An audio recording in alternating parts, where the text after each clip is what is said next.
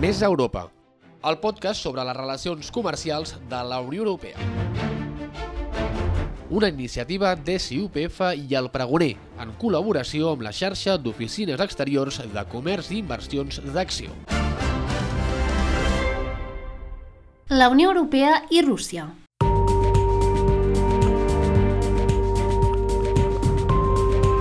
Amb 144 milions d'habitants i més de 17 milions de quilòmetres quadrats, Rússia no és només el país més gran del món per superfície. També és un dels principals socis comercials de la Unió Europea, el cinquè. L'any 2020 va representar el 4,8% del comerç total de mercaderies a la Unió Europea amb el món. Per la seva banda, la UE és el soci més gran de Rússia, va superar el 37% del comerç total de mercaderies del país amb el món. No són les úniques xifres que denoten la importància econòmica i també política que Rússia té en l'escena internacional. Encara repassant dades de l'any passat, el 36,5% de les importacions de Rússia provenien de territori europeu i gairebé el 38% de les seves exportacions van anar a parar a la UE. Les relacions polítiques i econòmiques entre la Unió Europea i Rússia es basen des del 1997 en un acord de col·laboració i cooperació bilateral. Un dels seus objectius és promoure el comerç i la inversió entre els dos territoris, així com desenvolupar relacions econòmiques beneficioses per a les dues bandes. A més a més, l'any 2012 Rússia es va unir a l'Organització Mundial del Comerç. Des d'aleshores, les relacions comercials amb la Unió Europea també estan emmarcades per les seves normes però no tots són flors i violes. En lloc de tirar cap a una liberalització sostinguda, Rússia ha anat posant en marxa mesures destinades a afavorir els productes i serveis nacionals enfront als estrangers i per incentivar la localització de la producció al país per part de les empreses estrangeres. En conseqüència d'aquesta política de substitució d'importacions, molts exportadors a la Unió Europea són expulsats del mercat o bé es veuen obligats a traslladar la seva producció a Rússia, generant continus conflictes amb la normativa de l'Organització Mundial del Comerç. A més, des del 2014, el conflicte ucraïnès i l'annexió de Crimea han afectat aquestes relacions i s'han traduït en sancions econòmiques i comercials i també en diàlegs suspesos. Tot i així, l'acord de 1997 continua sent el marc general de les relacions comercials entre les dues zones.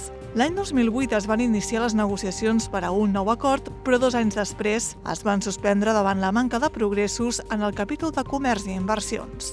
L'economia russa es basa principalment en els recursos naturals i l'energia, tot i que amb els anys les oportunitats de negoci s'han anat diversificant. La indústria farmacèutica, l'alimentació i el sector de les Smart Cities són només alguns dels exemples. Però tornem a l'energia perquè la volatilitat dels seus preus afecta directament el volum del comerç bilateral. El 2020, el comerç total de les mercaderies entre la Unió Europea i Rússia va superar els 174 milions d'euros. Les importacions cap a Europa van arribar als 95.300 milions, dominades per combustibles i productes minis. De fet, el 26% de les importacions de petroli i el 40% de les de gas de la Unió Europea provenen de Rússia. La resta de béns importats cap a territori europeu van ser sobretot del sector de l'agricultura, productes químics i també ferro i acer. Pel que fa a les exportacions a la Unió Europea, van ascendir fins als 79.000 milions d'euros, liderades per maquinària i equips de transport, productes químics i manufacturats, però també per l'agricultura i les matèries primeres. I és que el sector agrícola fa anys que està en auge a Rússia. Per això, importadors i distribuïdors del país busquen en territoris com Catalunya la tecnologia avançada que els permeti millorar el coneixement i les solucions per les seves grans extensions agrícoles. No és l'únic sector que representa una oportunitat de negoci per les empreses catalanes. També en trobem a la indústria farmacèutica, el tèxtil i la moda, l'alimentació o fins i tot en la perfumeria i la cosmètica a causa de la tradició de tenir cura del propi cos i cuidar l'aspecte personal. De fet, les exportacions catalanes a Rússia van augmentar un 9% l'any 2019, superant els 666 milions d'euros i representen més del 32% de les exportacions de l'estat espanyol. I és que, tot i la greu crisi que va patir l'any 2005 i els altabaixos polítics, l'economia russa està pràcticament recuperada. Això cal afegir-hi un nou perfil de comprador rus que ha guanyat terrenys aquests últims anys. Han aparegut noves classes mitjanes amb un poder adquisitiu creixent.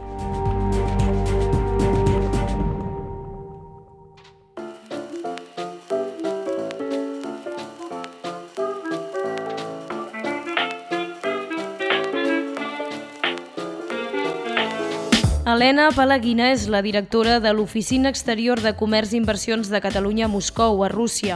Formada en hispàniques a Moscou, ha desenvolupat tota la seva carrera en l'entorn empresarial en projectes de comerç internacional, fet que li ha permès conèixer de primera mà com ajudar les empreses catalanes a fer negocis en un mercat tan complex com el de Rússia.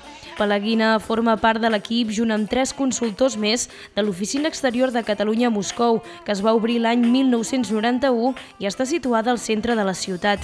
Treballa amb empreses catalanes de tots els sectors, tot i un fort predomini d'aquelles que venen de les indústries del disseny i dels sistemes industrials. Alhora, el servei estrella de l'oficina és que, aprofitant la seva presència directa a Moscou, busca clients, proveïdors i distribuïdors a Rússia per a empreses catalanes.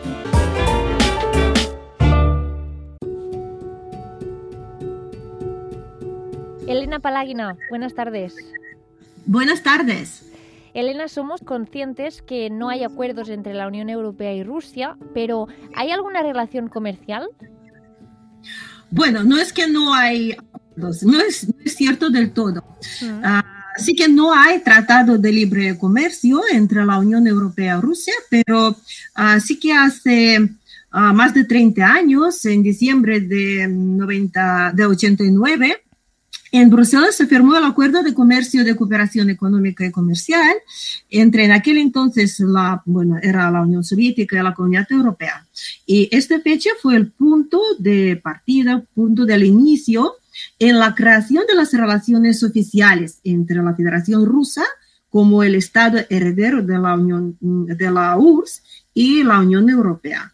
Pues es bastante simbólico que aquel acuerdo se firmó aproximadamente un mes después de la caída del muro de Berlín, el acto que fue grabado en la historia como la finalización de la Guerra Fría. Curiosamente, pues romper este muro de ladrillo era más fácil que romper todas las barreras que hasta aquel momento pues separaba Rusia de otros países europeos. Es cuando empezó el trabajo de creación de una base jurídica para coordinar la cooperación ruso-europea en todos los ámbitos. Y en 94, creo, se firmó Partnership and Cooperation Agreement, siendo el acuerdo básico vigente a fecha de hoy. Después se planteó el tema de creación de cuatro áreas comunes, económica, seguridad externa, libertad, seguridad, jurisdicción, ciencias, formación, aspectos culturales, pero mm, diciendo la verdad no se hizo mucha cosa, así que sí que hay, uh, uh, hay, hay, hay, relación comercial y bastante relación comercial. Por cierto, la Unión Europea uh, lidera entre todos los partners económicos comerciales de la Federación Rusa. Pues mm, con una cuota que supera un 40%, pues es el líder, es la zona líder. Y eso tiene su explicación, ah, tanto en la alta calidad de los productos de los proveedores europeos como en la proximidad geográfica del mercado europeo y también se valora la infraestructura logística desarrollado, desarrollada y sobre todo las relaciones comerciales que mm, en cierto sentido son relaciones históricas, porque Rusia tenía mucha relación en su historia uh, con, con, los países europeos. ¿Cómo son estas relaciones comerciales con Rusia, Rusia precisamente por parte de los europeos? Uh, bueno, diciendo la verdad, actualmente la las relaciones entre Rusia y la Unión Europea están sobreviviendo un periodo un, un poco complicado que como todos sabemos empezó uh, con la crisis política en 2014 y uh, política uh, relacionada con Ucrania, con el tema de Crimea.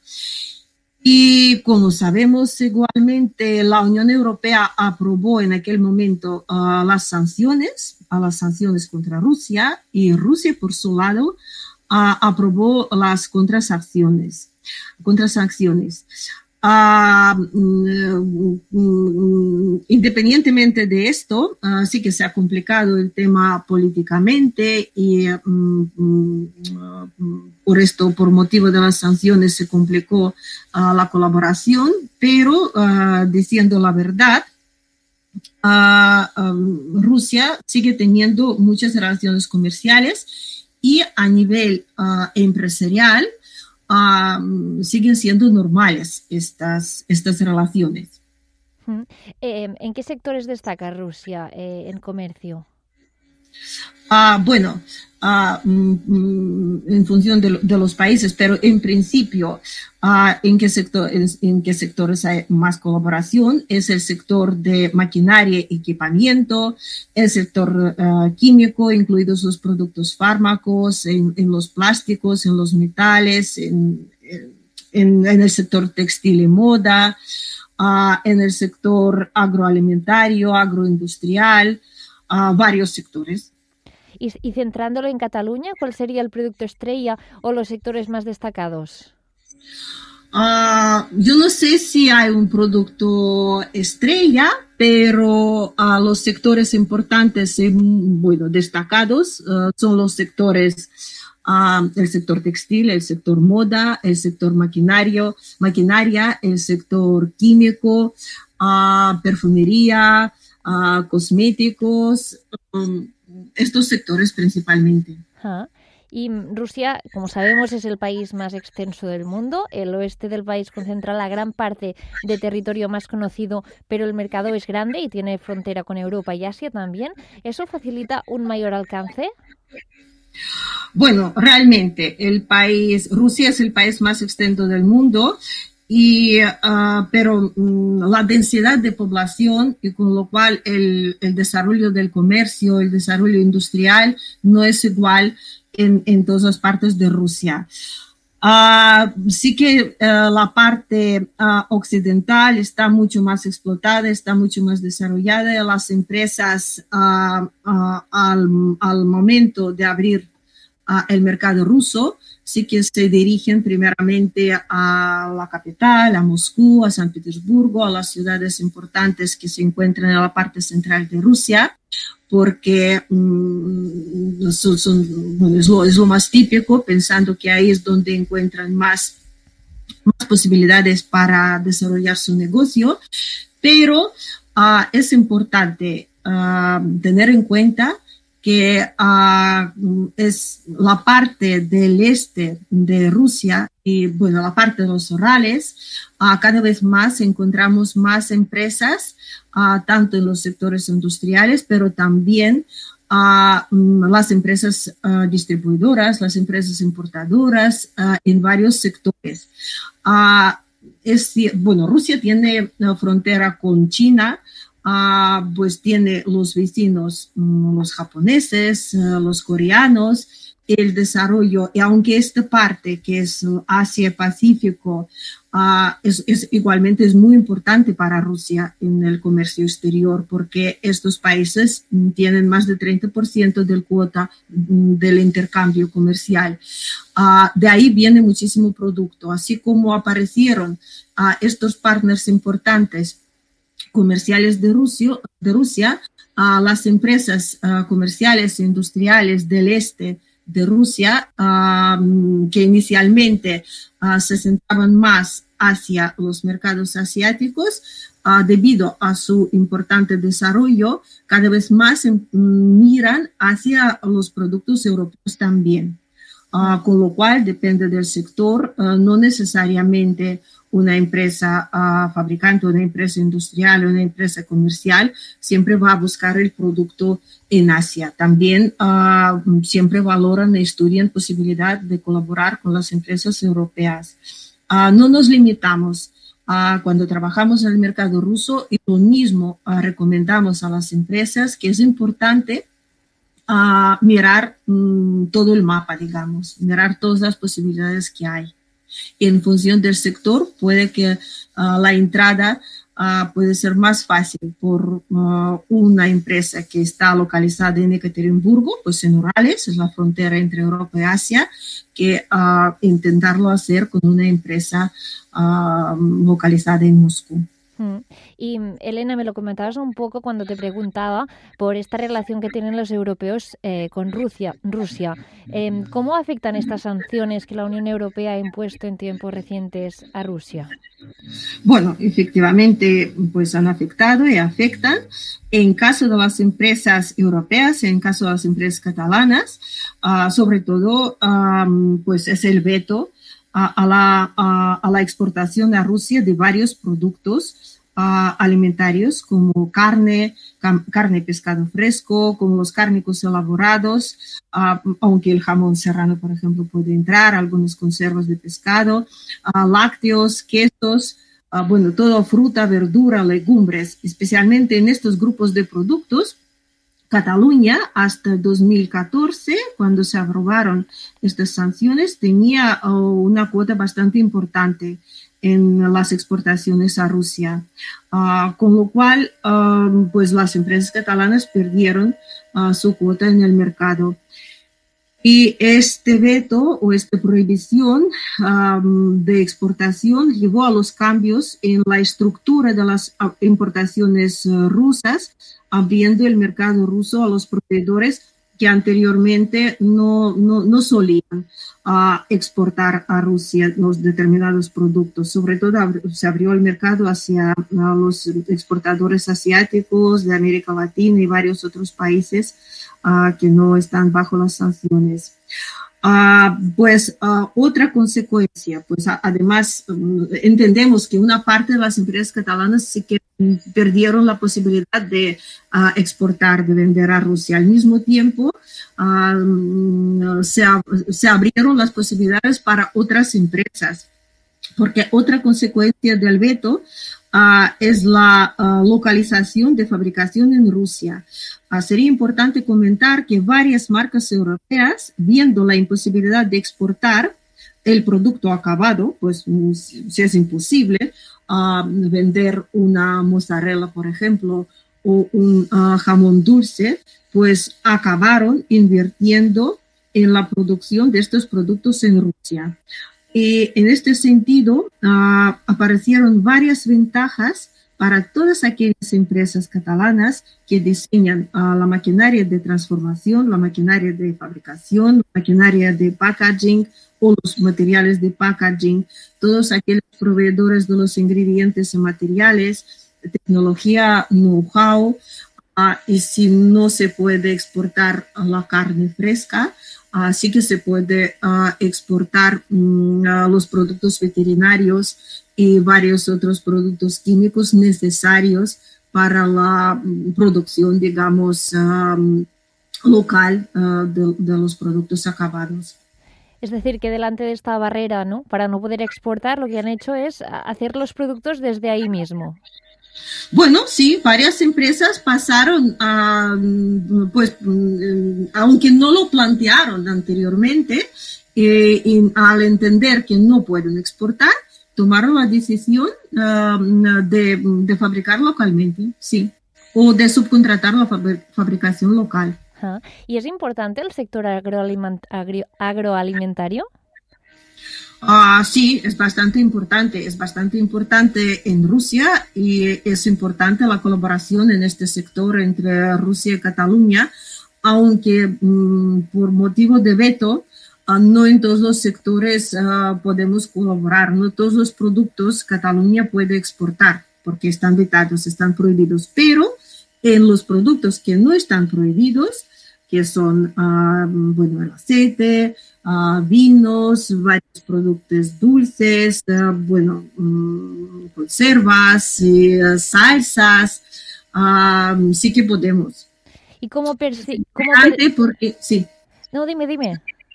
No, no, es importante porque ah, en varios proyectos que habíamos llevado, Ah, vemos bastante interés por parte de las empresas locales ah, rusas, que igualmente varios de estos importadores, distribuidores o las cadenas ah, locales, en un momento determinado, viendo que no pueden importar los productos vetados, están buscando dentro de los que están permitidos nuevos productos, nuevas marcas y siempre valoran alta calidad del producto europeo.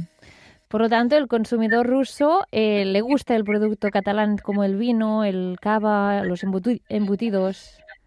Sí, por supuesto, porque varios ah, habían viajado a España, varios lo habían probado y mm, valoran muchísimo. Así que uh, en un momento determinado suponemos que uh, estas barreras uh, y vetos al final todo acabe tarde o temprano, con lo cual esperemos que va a tener la posibilidad de comprar el producto catalán en una variedad um, inmersa.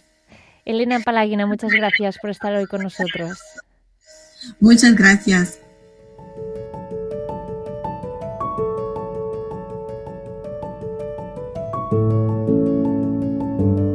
Doncs estem amb Guillem Soler, ell és el Business Development Manager de Deripol, una empresa catalana que actua eh, i treballa en el mercat rus i bé, el tenim aquí amb nosaltres perquè ens pugui explicar doncs, com aquesta empresa va desenvolupar un projecte en aquest país. Molt, bo, molt bones. Uh, Guillem, com estàs? Bon dia, eh, molt bé, encantat de poder participar avui. Doncs mira, Guillem, per, per començar, explica'ns què és Deripol, eh, quines activitats porta a terme. Perfecte. Deripol és una companyia catalana eh, d'origen familiar, creada a finals dels anys 60, a principis dels anys 70, i ens dediquem al desenvolupament i la producció de polímers. Per tant, som indústria química. Aquests polímers que nosaltres desenvolupem s'utilitzen principalment en el tractament d'aigües residuals, és a dir, en depuradores, també s'utilitzen en el procés de la fabricació del paper i en altres aplicacions dins del petroli per separar el petroli de l'aigua o en control de pols en aquelles indústries tipus mineria, on el que es vol evitar és que el material que tens acumulat a l'exterior, amb el vent, doncs les partícules vagin a l'aire i puguin ser perilloses per la inhalació. Mm.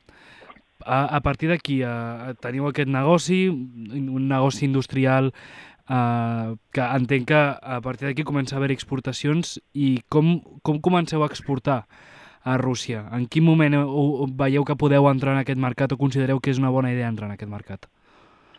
Exacte. Actualment Deripol eh, exportem a més de 60 països.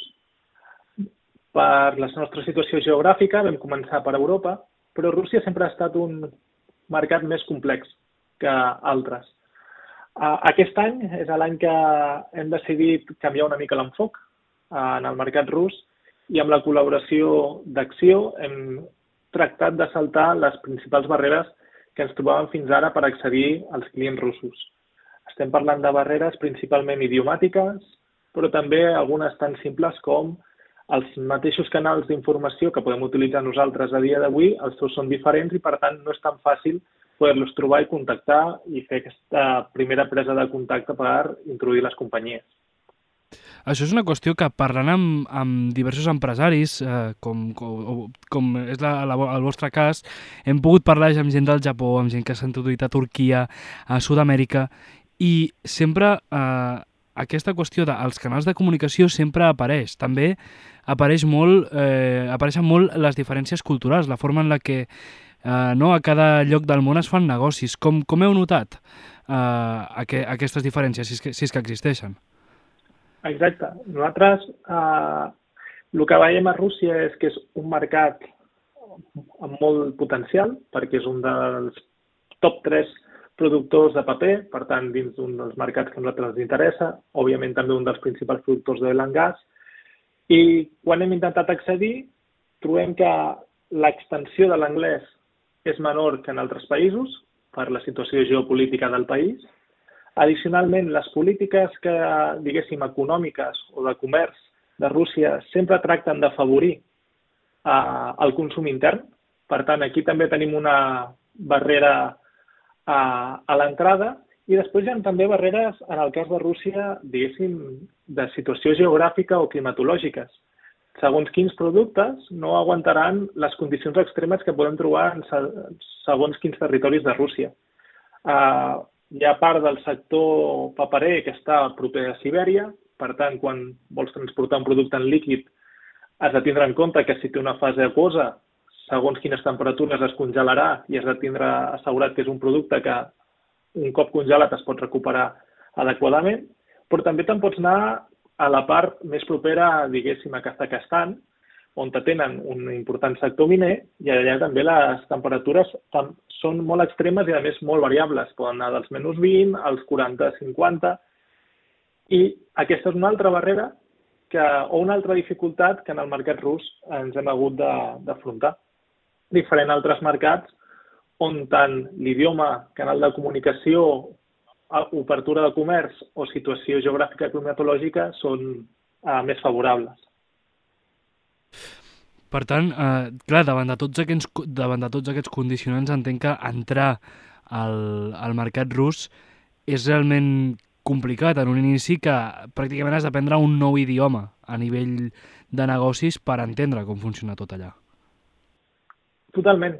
Um, en aquest sentit, en, ens hem ajudat amb acció per uh, superar aquesta barrera idiomàtica. També és veritat que ara les tecnologies, sobretot a nivell de comunicació escrita, permeten un nivell de fiabilitat més alt en traduir de l'anglès o del castellà o del català al rus, i això també ha facilitat les comunicacions més del dia a dia. Uh, I també uh, han facilitat que puguem revisar els contractes. Uh, una de les peculiaritats del mercat rus és que qualsevol importació que han de realitzar s'ha de realitzar un contracte. Perquè han de justificar, diguéssim, a nivell estatal i a nivell bancari, la necessitat d'importar un producte de fora a Rússia. Clar, és a dir, que davant de tots aquests condicionants eh, l'entrada es complica i et volia preguntar quines estratègies heu hagut de seguir per introduir-vos amb cert èxit en aquest mercat. Correcte. Una de les claus ha estat el moment. Estem vivint un moment en què tota la cadena de subministrament està eh, molt sacsejada i especialment Rússia és un mercat que aprofitava la industrialització de Xina per obtindre el producte Actualment es troba el client rus que l'oferta que ofereix Xina ha, ha disminuït, els preus s'han encarit i, per tant, és un bon moment uh, per escoltar alternatives. Què hem hagut de fer nosaltres? Primer, uh, establir el contacte inicial amb el client rus, aquesta ha sigut la primera etapa. Segon, entendre la seva idiosincràsia a nivell de la dificultat que poden tindre a, a nivell d'importació i tercer, adaptar els nostres productes també al mercat rus. És a dir, una de les coses que hem hagut de fer és, tant a nivell del producte en si com en l'envàs que fem, eh, que enviem a Rússia, hem tingut de realitzar adaptacions per assegurar que aquest producte el podran tindre emmagatzemat, ja sigui si és a prop de Sibèria o si és ja a prop de eh, altres regions on les temperatures poden ser més elevades. Per tant, entrant al mercat rus, sota la nostra experiència, ha requerit un nivell d'adaptació major que en altres mercats que eh, hem pogut entrar arreu del món. I eh, com ha sigut, és a dir, com ha sigut aquest procés d'adaptació? Una mica quina, quin, per quin procés heu passat per anar-vos adonant de totes aquestes qüestions i, doncs, això, a poc a poc, eh, adaptar-vos-hi adequadament?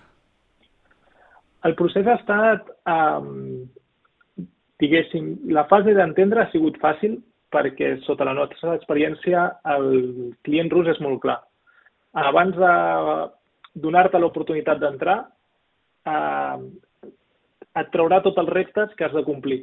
I no només tots els reptes, sinó que també eh, tenen la capacitat de saber ben bé qui ets abans de que començar a parlar amb ells. Llavors, eh, en aquest sentit, un cop hem tingut clares la, a, a través de les diferents interaccions quines són les problemàtiques o les barreres comunes pel client rus, eh, llavors ha estat qüestió de buscar les formes d'adaptar els nostres productes. En el cas dels envasos, hem aconseguit minimitzar l'efecte de la temperatura. En el cas del producte, ha requerit que, per poder adaptar-nos i poder comercialitzar en aquests mercats, pues, trobar quins additius podem afegir per fer-los més estables. Uh, llavors, en aquest sentit, diferent a mercats, per exemple, mencionaves anteriorment el Japó, on a vegades obtenir la informació o obtenir realment el que el client uh, pensa o quina és la barrera del client que no te l'acaba de comunicar és més difícil, nosaltres, en la nostra experiència, el client rus l'hem trobat més directe. És a dir, des d'una primera reunió ja et deixa clar totes les dificultats que tindràs per entrar un cop la superes i pots demostrar que la superes, a partir d'aquí, diguéssim, que ja no fa tanta pujada i, i la col·laboració comença a engegar de forma àgil. Doncs uh, Guillem Soler, Business Development Manager de, de Deripol, moltíssimes gràcies per, per explicar-nos com ha estat aquesta entrada al mercat, quines, dif quines dificultats us heu trobat i com ho heu solventat. Merci per tot. Moltes gràcies per gràcies. poder participar. Gràcies. I fins aquí aquest espai dedicat a les relacions comercials entre la Unió Europea i Rússia. Si vols saber quin és l'estat de més acords entre el bloc comunitari i altres parts del món, no dubtis escoltar els altres capítols.